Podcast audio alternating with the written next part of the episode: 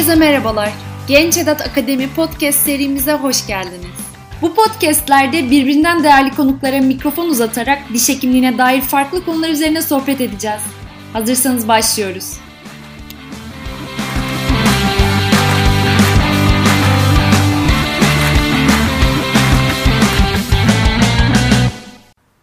Herkese merhabalar. Sina Saygılı'yla devam ettiğimiz dijital serimizin 3. bölümünde 3D printerlar ve geleceğin üretim yöntemlerinden bahsedeceğiz. Hoş geldin Sina. Hoş bulduk. Yeniden merhaba diyelim artık. Dördüncü de para isteyeceğim. Hoş geldin. Hoş bulduk. Şimdi 3D printerlar nedir? Oo, temelden girelim. Temelden girelim dedik. Aynen tamam öyle. peki. Şimdi 3D printer insanın kendine yakışanı giymesidir deyip eski bir karikatürü canlandıralım dedik. Yok şöyle 3D printer şu aslında. Nasıl bugün normal bir printerdan, yazıcıdan bir baskı alıyorsak iki boyutlu olarak bunu üç boyutlu yönteme çevirdiğimiz zaman yani katmanlar birbiri üzerine eklendiğinde oluşan bir üç boyutlu geometrinin e, oluşmasına 3D printing deniyor. Yani üç boyutlu baskı deniyor. Bundan sonra bu konuşmada buna 3D printing olarak ifade edilecek olup hani kısaltma kullanılmayacaktır diyerek e, özet geçelim. 3D printer bir üretim yöntemidir. Ve bu üretim yöntemiyle beraber e, aklınıza gelebilecek birçok geometrinin üretilebilmesi mümkündür. Peki 3D printerlarla şu an neler yapabiliyoruz? 3D printer aslında teknolojisine bağlı olarak üretim malzemelerinin değişmesiyle beraber farklı şeyler üretebiliyoruz. Yani bugün baktığımız zaman e, lazer sinter yöntemi de aslında bir pri- 3D printer yöntemi. E, lazer sinterle beraber metal alaşımları üretilebiliyor.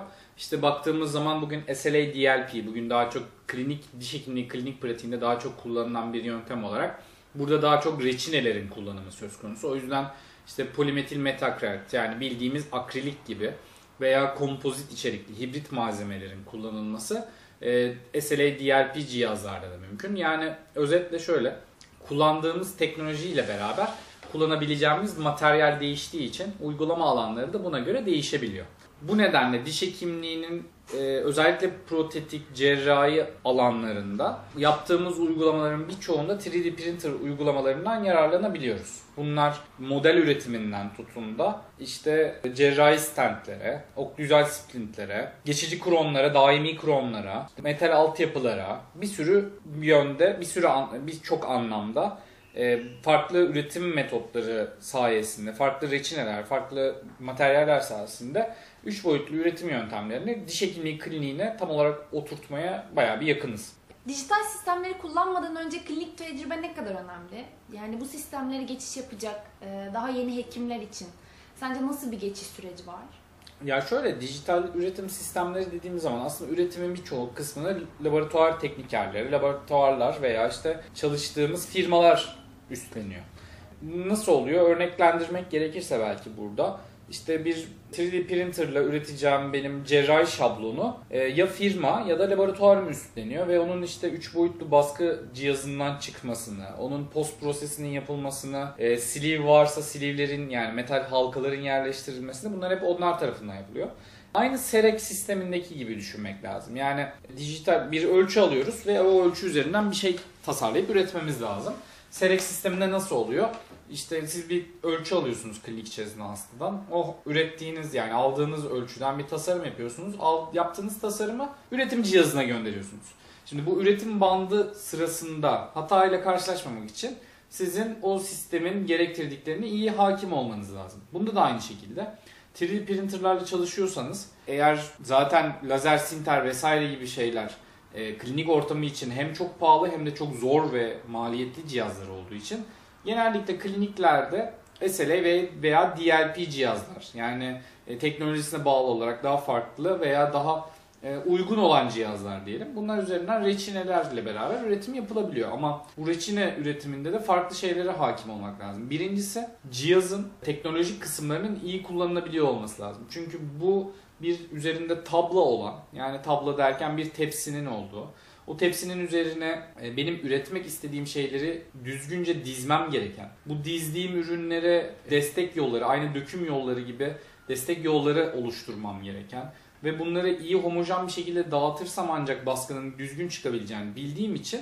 E, birincisi bilgisayarda bir ön çalışma kısmını iyi bilmek lazım. İkincisi printerlarla ilgili üretim safhalarında yapacağımız hatalar cihazlara büyük zararlar verebileceği için işte reçinenin printer'ın lazer kısmına taşması veya aynasına bozuk olacak şekilde reçinenin cihazın içine akması gibi farklı problemler oluşabiliyor. Yani özetle süreci iyi bilmek lazım ama printer kullanılmayacaksa bazı detaylar üzerine çok fazla hakim olmaya gerek yok. Çünkü dediğim gibi bunu genelde laboratuvarlar üstleniyor ve e, klinik içi üretim yapmakla ilgili eğer çok fazla bir hayaliniz veya işte düşünceniz yoksa o zaman biraz teknik kısmı ile ilgili biraz daha uzaklaşıp neler yapılabiliyor en azından bunu bilmekte fayda var. Peki ağız içi kamera ile ölçüler alındı, laba yollandı. Bu aşamadan sonra iş akışında bizim takip etmemiz gereken neler var? Yani diş hekimi iş akışına ne ölçüde hakim olmalı? Mesela biz teknisyen kısmında olabilecek ihtimallere de hakim olmalı mıyız? Ve eğer olmalıysak bu konuda kendimizi nasıl geliştirebiliriz? Ya bu konu tartışmalı bir soru. Çünkü şöyle e, bu bayağı bir tartışılıyor. Neden tartışılıyor?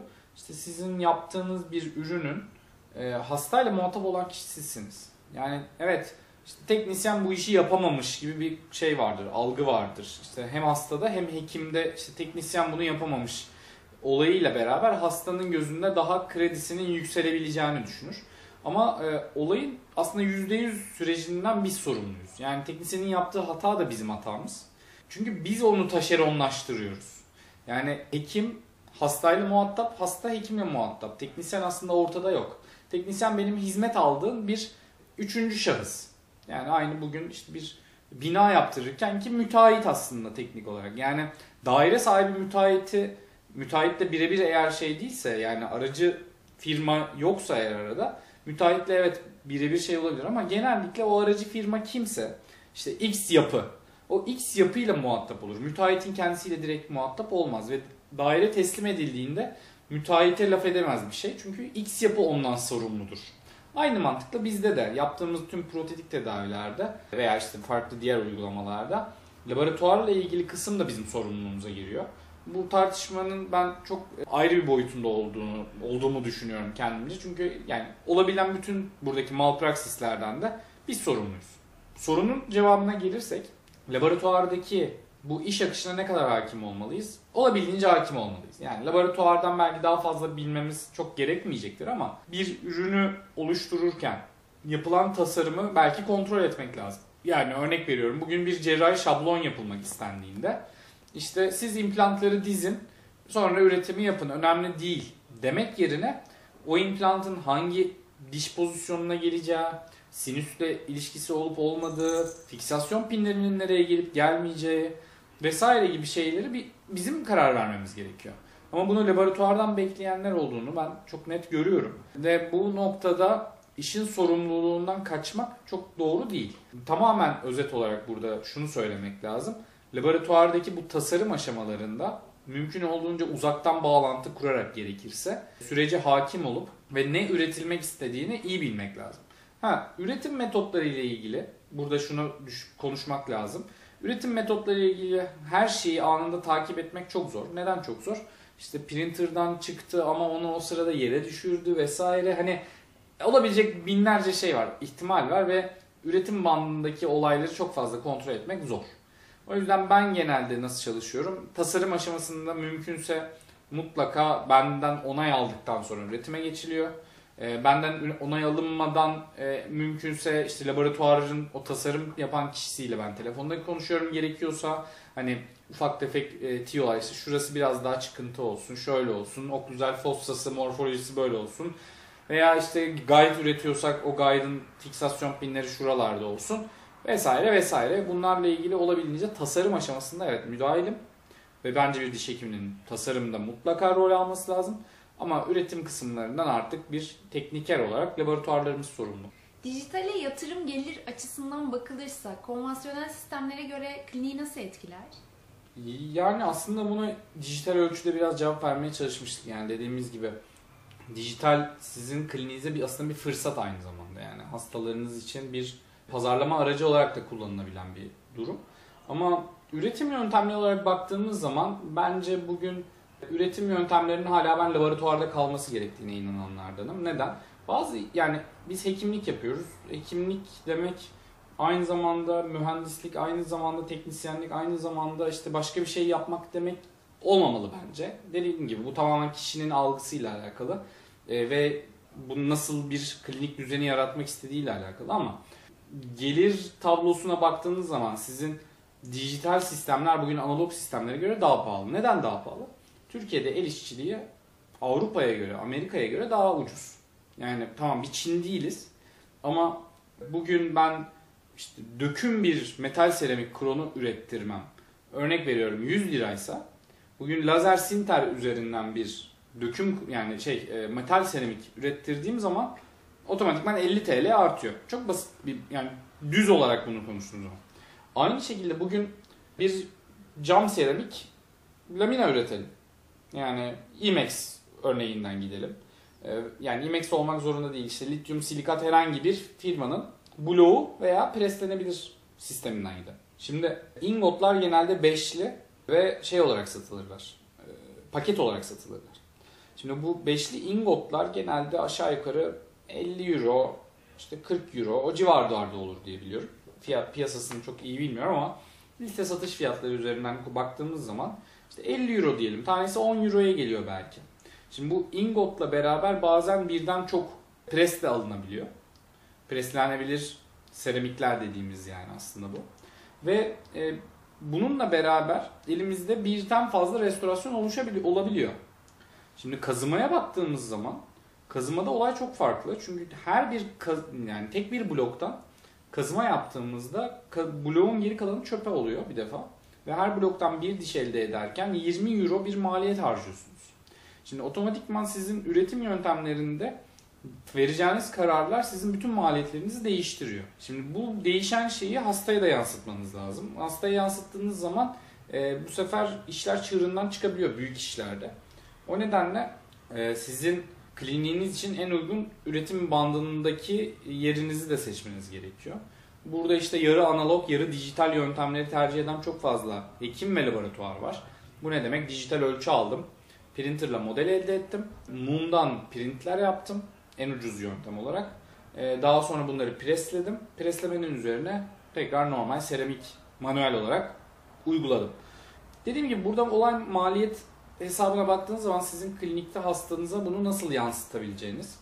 Çünkü e, dediğim gibi kazıma yapıp her şeyi model print edip vesaire vesaire yaptığınız zaman maliyetler giderek yükselmeye başlıyor. Her laboratuvarda haliyle bu pahalı sistemlere yatırdığı için buna amortismanını sağlayabilmek adına ve daha doğrusu para da kazanmak adına bunları daha yüksek fiyatlardan hekimlere şarj etmek zorunda kalıyor. Yani 3D printerlar özeline girersek burada.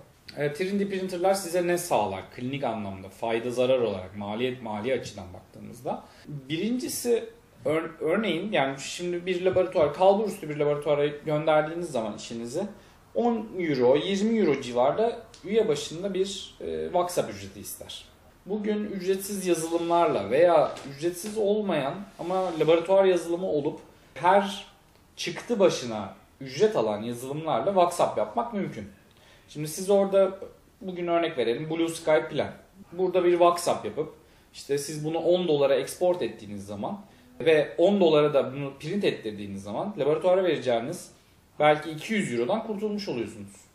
Otomatikman bu sizin büyük bir avantajınıza ama burada dezavantajınız ne oluyor? Zamanınız. Sonuç olarak o bilgisayardaki o işle siz uğraşıyorsunuz. Bunu print ediyorsunuz. Yani temel maliyetlere baktığınız zaman belki evet zamandan kaybediyorsunuz ama temel maliyetleriniz azalmış oluyor. Şimdi o zamanı verebilecekseniz evet 3D printer mantıklı oluyor. Veya şablonlu cerrahiler. E, şablonlu cerrahilerde bugün bir şablonu üretmenin printer maliyeti aşağı yukarı 10-15 dolar arası. Ya da 20 dolar diyelim. Şimdi şablonlu bir cerrahi yapacağınız zaman laboratuvarlar aşağı yukarı bugün minimum 100-150 euro bandında bu iş başlıyor. 100-500 eurolara kadar gidebiliyor firmalara bağlı olarak. Şimdi bu kadar arada bir fark varken, uçurum varken printer almak evet mantıklı ama bu sefer tasarım yapacağınız bir programa da ihtiyacınız var. Şimdi tasarım yapacağınız programa ihtiyacınız var ama tasarım yapacağınız programlar ücretli veya ücretsiz olabilir. Ücretsiz olan ne var? İşte yine Blue Sky plan olarak üzerinden gidersek export başı 10 dolar verdiğimizi hesaplayalım. E, bunun maliyet olarak size aşağı yukarı 30 dolara gelmiş oluyor. Şimdi baktığınız zaman yani eğer cerrahi şablonlu bir işlem yapacaksınız tabii ki kendi mutfağınızda yapmak daha kolay. Evde ekmek yapmak gibi düşünebiliriz aslında onu. Yani evde ekmek yapma makinesinin bir initial cost'u var. Evet işte ne bileyim KitchenAid'in var galiba yanlış bilmiyorsam. Bir ya da bir şeyin var markasını bilmiyorum. İşte herkes bir ara bu pandemi döneminde almıştı galiba. İşte 6 bin lira, 7 bin lira neyse işte alıyorsun. Evet ama ekmeğin hamuruyla beraber maliyeti belki sana 20 kuruşa geliyordur bilmiyorum.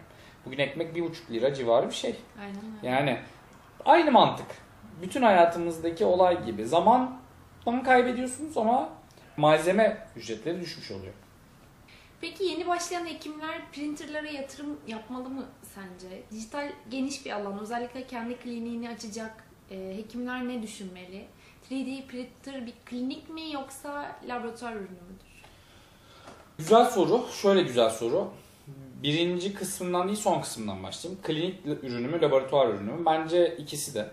Laboratuvarlarda must, kliniklerde dijital ölçü cihazından sonra elde edilmesi gereken bir ürün bence. Kesinlikle dijital ölçü cihazına yani veriyi ham halde hızlı bir şekilde alamıyorsanız printer'a siz onu aktarıp bilmem ne yapabileceğiniz bir durum olmayacağı için o zaman bence dijital ölçü almanın, 3D printer almanın çok da bir anlamı kalmıyor. Ee, sorunun ikinci kısmında bir klinik açıyorsam buna ihtiyacım var mı yok mu meselesi veya yeni mezun olanların bu noktada nasıl hareket etmesi konusunda. Şöyle kliniğinizde printer'ın uygulama alanları ile ilgili bir şeyler yapabilecekseniz evet mantıklı. Bunu almanın bir dezavantajı yok. Birincisi bu. İkincisi buna ayırabileceğiniz zamanınız var mı? Yani printer'a ürün yükleyebileceğiniz. Printer'a ürün yükledikten sonra o ürün çıktıktan sonra alkol banyosunu yaptırıp daha sonra tesviyesini yapıp cilasını yapıp bunları yapabileceğiniz bir zamanınız var mı? Etrafın o reçine temizliğini yapacağınız zamanınız var mı? Yardımcı personelinizi bunun için eğitebilir misiniz? Yine burada çok fazla kriter söz konusu. Ya biraz önce işte o dijital ölçü e, muhabbetini yapmıştık bir önceki şeyde. Dijital ölçüye geçmeli mi geçmemeli mi? Bunda da aslında aynı şey. 3D printerla ilgili çalışabileceğinizi, iş akışınıza oturtabileceğinizi düşünüyorsanız çok faydalı bir ürün. Ama sadece WhatsApp modeli için bir alacağınız printer farklı bir printer olur. Ama işte ben guide de üreteceğim, işte sprint de üreteceğim, model de üreteceğim vesaire dediğiniz zaman alacağınız printer da değişecektir. Hız olarak baktığınız zaman farklı bir printer'a yöneleceksinizdir. İşte daha yavaş ama daha farklı bir ürün de alabilirsiniz. Yani olay çok aslında büyük bir havuz, bilgi havuzu. Yeterince bilgi edinmeden bu işe girmemek lazım bir defa. Çünkü gene e, diğer eski milling cihazlarını alan meslektaşlar işte işte frez kırılıyor, o oluyor, bu oluyor vesaire derken yani frez cihaz, freze cihazını tekrar laboratuvara iade eden e, çok fazla meslektaş olduğunu biliyoruz. O yüzden frezeyle uğraşılmaması burada zamanın, uğraşmanın vesairenin verdiği problemlerden kaynaklandığı için aynı şekilde bugün printerlarda da aynı şey söz konusu. Yani kullanmayacaksanız ekmek fırın pişirme makinesi almayın gibi bir şey bu yani. Peki şu an hangi tip printerlar var? Yani kullanabileceğimiz ve alabileceğimiz printer tipleri neler? Ya şöyle aslında alabileceğimiz çok printer var. Paraya bakar. Yani Selen'cim bir şeyinde verirsen sen izliyor printer verecek 100 dolar daha. Ee, şöyle söyleyeyim. Printerlar dediğimiz zaman çok fazla. Dediğim gibi 8, 7 tane ana 8 tane ana şey var.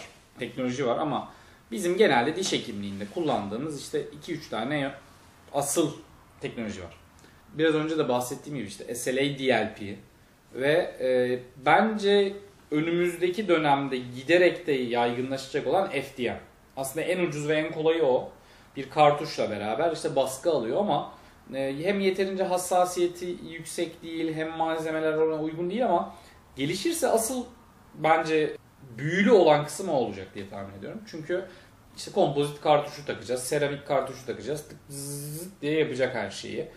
Reçineli metotlarda bazı problemler yaşıyoruz. İşte reçinenin tarihi geçiyor, reçine taşıyor, reçine artıkları malzemenin üzerinde kalıyor vesaire vesaire bir sürü problemler oluyor. Reçineli sistemler dediğimde de şu aslında. Stereolitografi yani SLA Bu işin öncüsü 1984 Chuck Hull amca dediğimiz işte onun bulduğu 3D Systems'ın e, ilk ürünü. Daha sonra bu teknoloji gelişiyor ve DLP cihazlara geçiyoruz. DLP cihazlarla beraber farklı bir boyuta gidiyor iş. Daha hızlanıyor vesaire vesaire. Şimdi iki teknoloji arasındaki farkı biraz belki konuşsak iyi olabilir. Hani bilmeyenler için de çok fazla terim dolaştı. Şu var aslında. Kompoziti nasıl biz ışıklıyoruz? Bir ışık cihazımız var. Basıyoruz. Monomerden polimer elde ediyoruz. Aynı mantıkla bir reçine tank havuzu var. Bir tabla var. O tank havuzun içine giriyor. O reçinenin içine giren tablanın üzerinde bazı noktaları lazer ışıklayarak donduruyor. Aynı kompozitteki gibi. Bu lazerin dolaşmasıyla beraber tablanın üzerinde yani reçine havuzunun içine giren metal levhanın üzerinde sertleşmiş reçine artıkları oluşuyor. Ve katman katman nerede reçinenin sertleşmesi gerekiyorsa lazer burayı sertleştirmeye başlıyor. Bu reçinenin sertleşmesiyle beraber 3 boyutlu bir geometri elde ediliyor. Aslında bunu şöyle düşünebiliriz. İşte 100 tane kağıdınız var. Her kağıdın belli bir yerini kestiniz ve bunları üst üste koyduğunuz zaman ve kenarlarını kesip attığınız zaman 3 boyutlu bir geometriye ulaşıyorsunuz. Aynı mantıkla burada da bir şey üretiliyor. DLP cihazlarda ne değişti? Bu lazerin nokta nokta kürlemesi yerine, sertleştirmesi yerine bir projeksiyon yardımıyla katmanın aynı anda sertleşmesi sağlandı. Ama bu projeksiyonun işte gücünün düşmesi veya projeksiyonun merkez alanından uzaklaştıkça o kürlemedeki e, farklılık yani sertleşme farklılıkları veya katmanların belirginliği yani yüzey özelliklerinin biraz daha düşük olması bazı alanlarda DLP'nin daha avantajlı bazı alanlarda daha dezavantajlı olmasına sebep olabiliyor. E, daha pürüzsüz ve işte atıyorum geçici kromlar işte restorasyonlar için belki SLA daha pürüzsüz bir yapı verirken DLP'de gelen ürünü belki biraz daha yüzey işlemlerini fazla tutup o yüzey pürüzlülüğünü mümkün olduğunca gidermek gerekebiliyor. Dediğim gibi DLP ve SLA bizim klinikte veya laboratuvarda şu an en çok kullandığımız ürünler. Bu ürünleri de kullanırken işte neler yapabiliyoruz? Dediğim gibi işte e, mum modelajları aynı bugün laboratuvarda yaptığımız mum modelajı print olarak yapabiliyoruz. İşte altyapılar üretebiliyoruz. Aynı zamanda preslenebilir işte ürünler için döküme girebilecek ürünler için yine işte mum modelajdaki bahsettiğim gibi şeyler üretebiliyoruz. Sprintler üretiyoruz. Okluzal sprintler üretebiliyoruz. Cerrahi guide'ler üretebiliyoruz. E, ortodonti için e, işte atıyorum bir simülasyon yaptık. Tedavi planı yaptık. Onların modellerini üretebiliyoruz.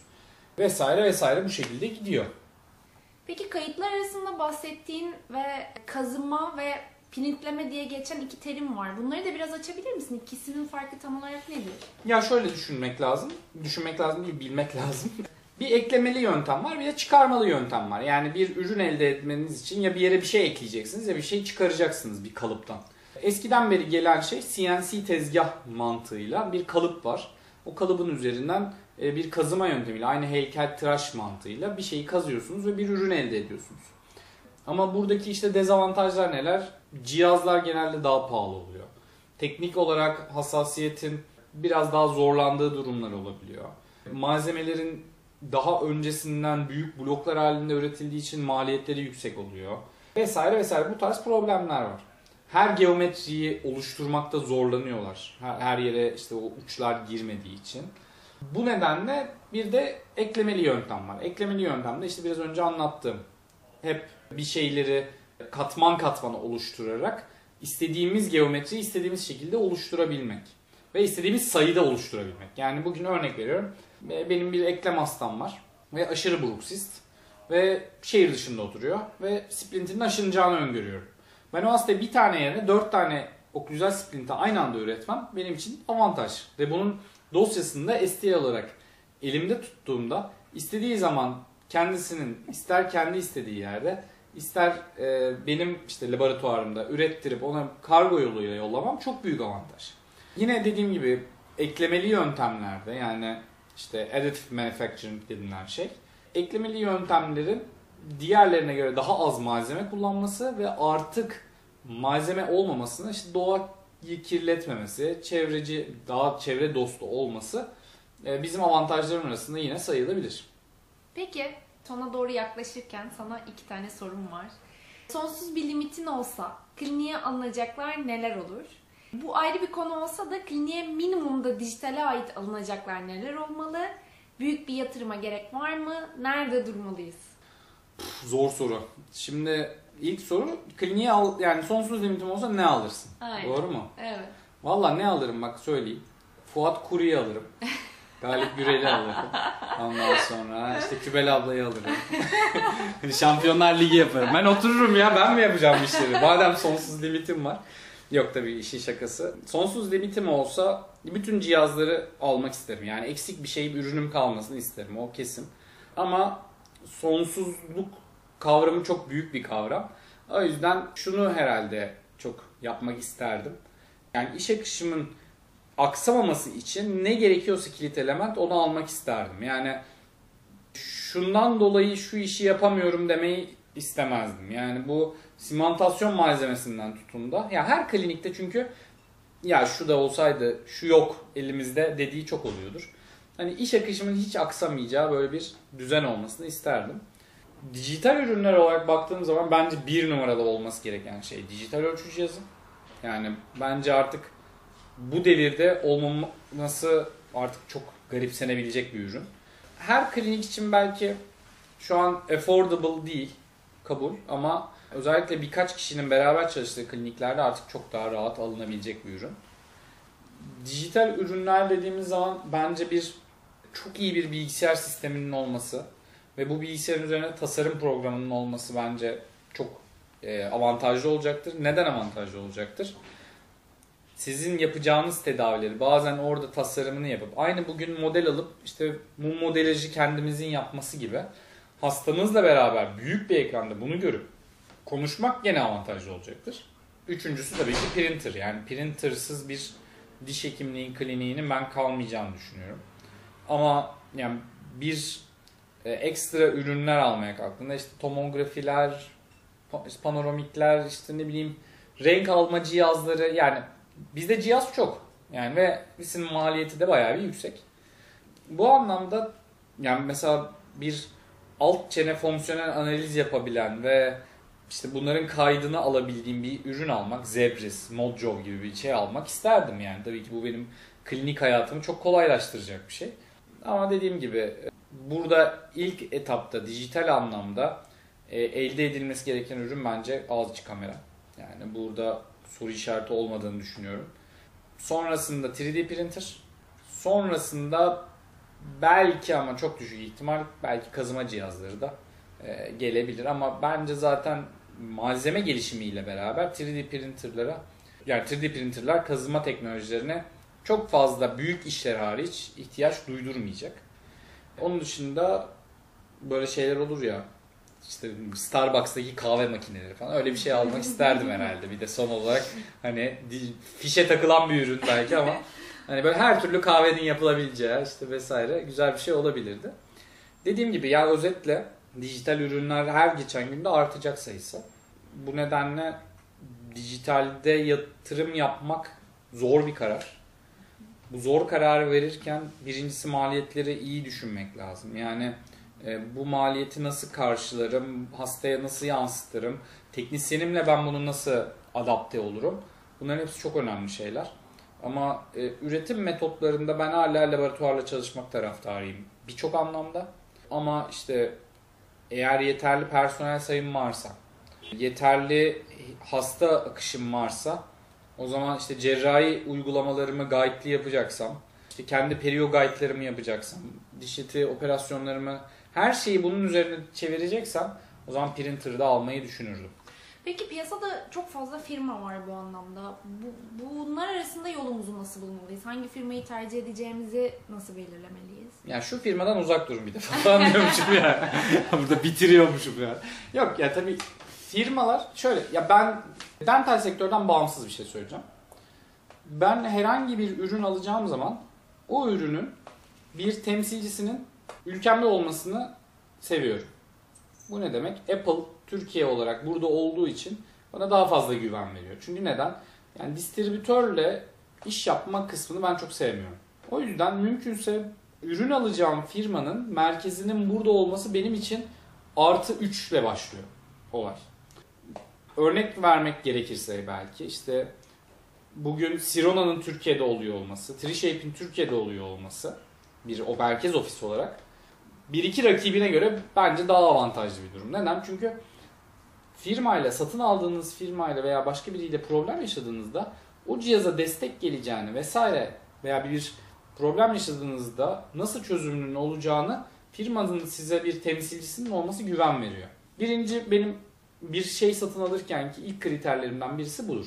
İkincisi bu cihazla ilgili neler yapılıp yapılamadığını internet, sosyal medya, tabii ki yani bizim alanımızda literatür, bu cihazlarla yapılan çalışmalarda neler oluyor, neler bitiyor. İkinci temel nokta benim için genel bilgiler. Üçüncüsü ise kullanıcı deneyimi. Yani kimler kullanıyor, kullananlar neler yapıyor, yaptıkları işler ne kadar iyi veya benim için tatmin edici. Üçüncüsü benim için bir ürün tercihi yaptığım zaman genelde işte karar verme noktamda beni etkileyen olaylar. Dördüncüsü ise ürünün fiyatı tabii ki. Yani teknik olarak istediğim kadar en iyi ürünü almaya çalışayım. Her zaman en iyi ürünü alacak bir bütçem olmuyor. O zaman diyorum ki nelerden feragat edebilirim?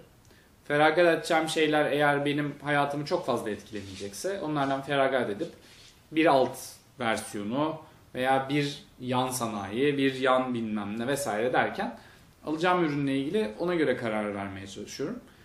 Genel olarak söyleyebileceğim şeyler yani bir şey satın alırken başka yani bu firmalar arasında nasıl kaybolmamak evet meselesine gelirsek her firmanın bir defa ben yine örnek veriyorum bunu ama her zaman canlı görmeyi isterim. Yani o cihazı işte atıyorum ben salı günü size geleceğim ve örnek veriyorum printer üzerinden gidelim.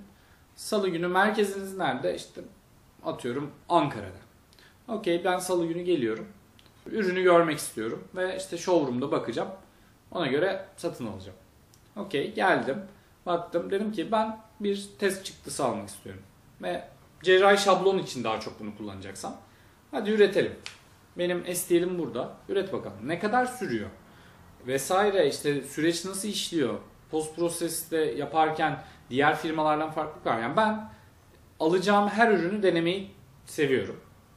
O yüzden hani firmalar arasında karar verirken acele etmemek. En önemli. Yani genelde firmalar şunu yapıyor. İşte 29 Haziran'a kadar kuru 6'ya sabitledik falan. Ya sabitle okey yapacak bir şey yok. Ben bir defa satın alacağım.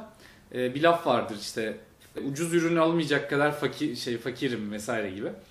Yani bir defa alınıyor bu cihazlar ve genelde de demirbaş olarak alınıyor. Hani iki sene kullanıp çöpe atacağımız cihazları almamak lazım. Ee, bir elektronik çöplük haline dönüşecek çünkü diş hekimliği de. Ee, evimizde birçoğumuzun işte eski telefonlar vesaire vesaire bir sürü şey oluyor.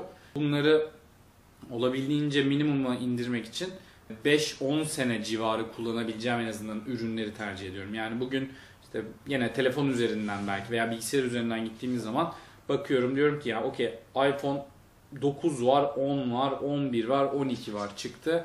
Şimdi ben iPhone 10 almaya kalksam fiyatı biraz uygun diye 2 sene sonra buna güncelleme getirmeyecekler. Getirdikleri güncelleme telefonu çökertecek.